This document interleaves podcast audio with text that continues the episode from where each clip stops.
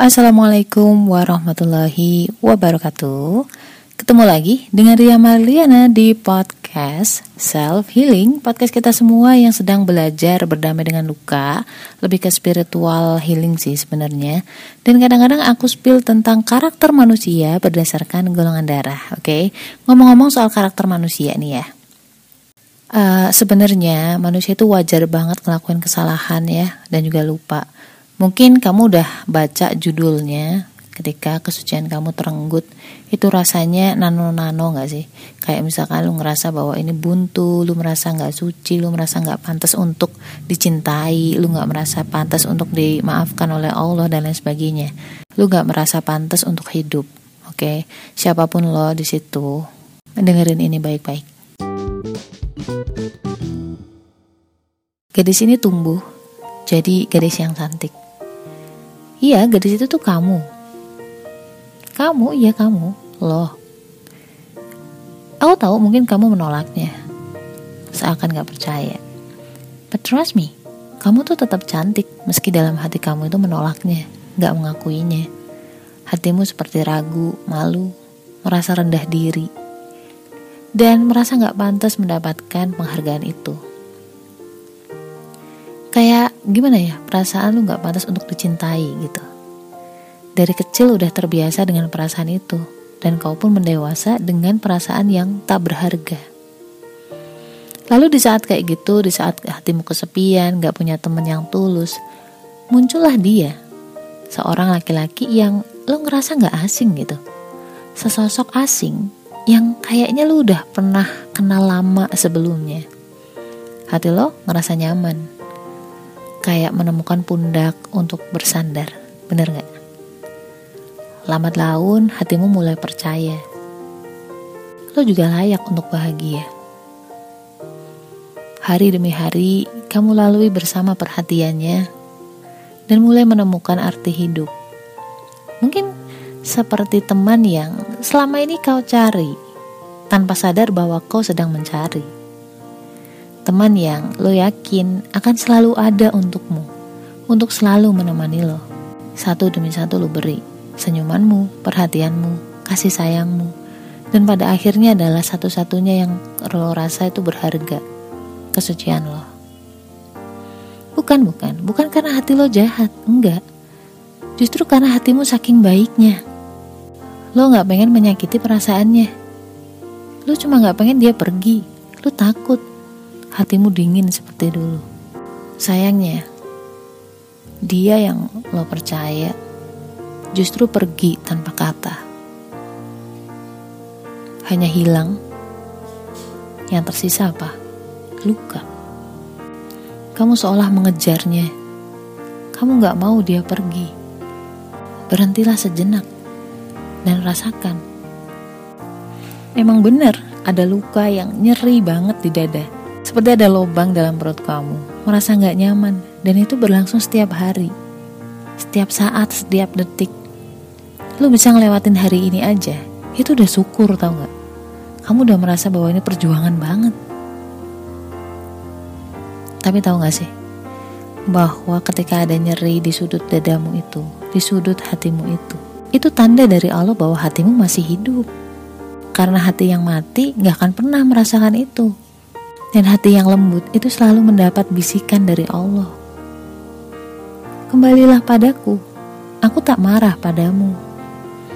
Segala sesuatu yang menimpamu itu pasti udah aku izinkan. Seolah Allah bilang gitu. Hatimu itu tetap baik. Hatimu itu tetap lembut. Meskipun kamu menyalahkannya. Dan meskipun seluruh dunia mengutuknya. Walaupun kamu merasa bahwa itu tak pantas lagi untuk hidup. Tapi kalau sayang, kalau suka sama hati baikmu itu. Ingat gak hadis Rasul? Hendaklah engkau tahu bahwa sesuatu yang ditakdirkan akan menimpamu itu tidak mungkin luput darimu. Dan segala sesuatu yang ditakdirkan luput darimu pasti tidak akan menimpamu.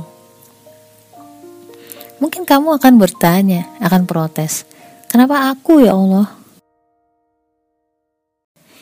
Apa yang lu sangka buruk It's not that bad Gak seburuk itu tahu. Pokoknya segala sesuatu di dunia itu Biasa aja mandangnya Sini-sini Izinkan aku sedikit mengubah sudut pandang itu Tahukah kamu Nabi Adam dan juga Bunda Hawa diturunkan ke dunia itu bukan karena Allah hukum, bukan karena Allah marah. Allah cuma bilang bahwa mereka itu terpeleset, bukan pendosa. Sewajarnya lah manusia gitu, tempatnya salah dan juga lupa. Ingat kan hadis Rasul yang lain bahwa setiap anak Adam pasti berbuat salah dan sebaik-baik orang yang berbuat salah adalah yang bertaubat. Mungkin Allah pengen kita memahami arti dari mengampuni. Memahami cinta yang sejati itu seperti itu, memaafkan. Karena cinta itu bukan sekedar teori, tapi lo harus ngalamin. Lo harus merasakan. Dan tahukah kamu bahwa Bunda Aisyah pun itu pernah tersalah, pernah lalai menghilangkan sebuah kalung sehingga rombongan Rasul berhenti di daerah yang tak ada air sama sekali. Sedang mereka harus menunaikan sholat, harus wudhu. Orang-orang udah marah, menganggap Bunda Aisyah sumber bencana. Tapi justru di saat itulah, justru karena itulah, Allah menurunkan ayat tentang tayamum yang lo pakai sampai sekarang. Ternyata yang disangka tidak baik, bahkan oleh seluruh orang di dunia, ternyata ada pesan yang ingin Allah sampaikan. Pesan kasih sayang. Bukankah dengan ini hatimu jadi ingat Allah? Mungkin memang udah terlalu jauh kita melupakan Allah. Terlena dengan pria yang tak setulus itu sama kamu.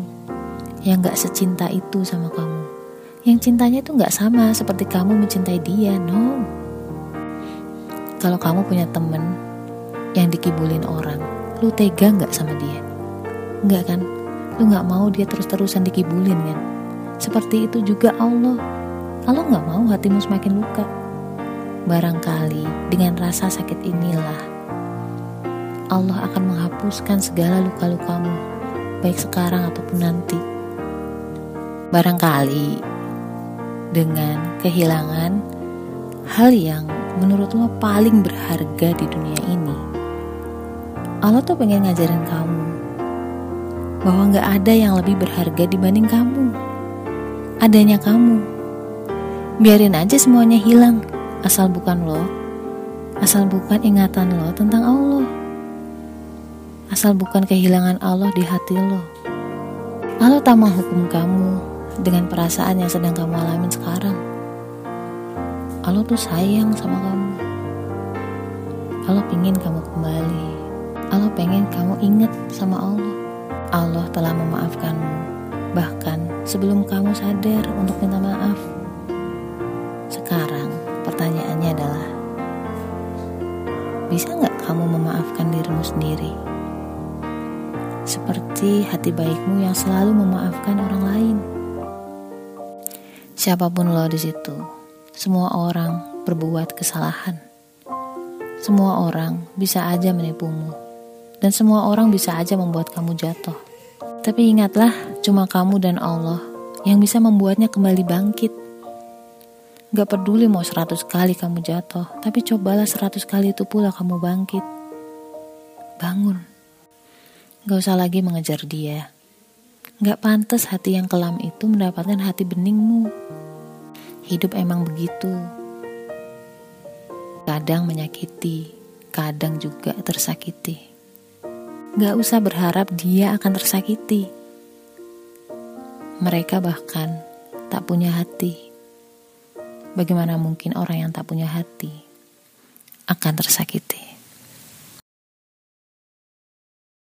Dari Anas bin Malik radhiyallahu anhu, ia berkata, Aku mendengar Rasulullah Shallallahu alaihi wasallam bersabda, Allah Azza wa Jalla berfirman, Hai anak Adam, Sesungguhnya selama engkau berdoa dan berharap hanya kepadaku, niscaya aku mengampuni dosa-dosa yang telah engkau lakukan, dan aku tidak peduli.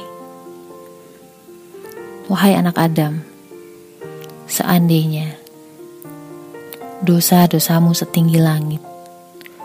Kemudian engkau minta ampunan kepadaku. Niscaya aku mengampunimu, dan aku tidak peduli. Wahai anak Adam, jika engkau datang kepadaku dengan membawa dosa-dosa yang hampir memenuhi bumi, kemudian engkau bertemu denganku dalam keadaan tidak mempersekutukanku dengan sesuatu pun, niscaya aku datang kepadamu dengan memberi ampunan sepenuh bumi. Hadis riwayat Tirmidzi. Sekarang mau ke mana lagi kamu berlari? Kalau bukan ke Allah. Stay love and assalamualaikum warahmatullahi wabarakatuh. Episode selanjutnya. Kalau misalkan kepengen uh, rumah, kepengen mobil, kepengen pekerjaan, bahkan sampai kepengen jodoh pria idaman yang dia taksir, itu bilangnya udah solawatin aja dulu gitu.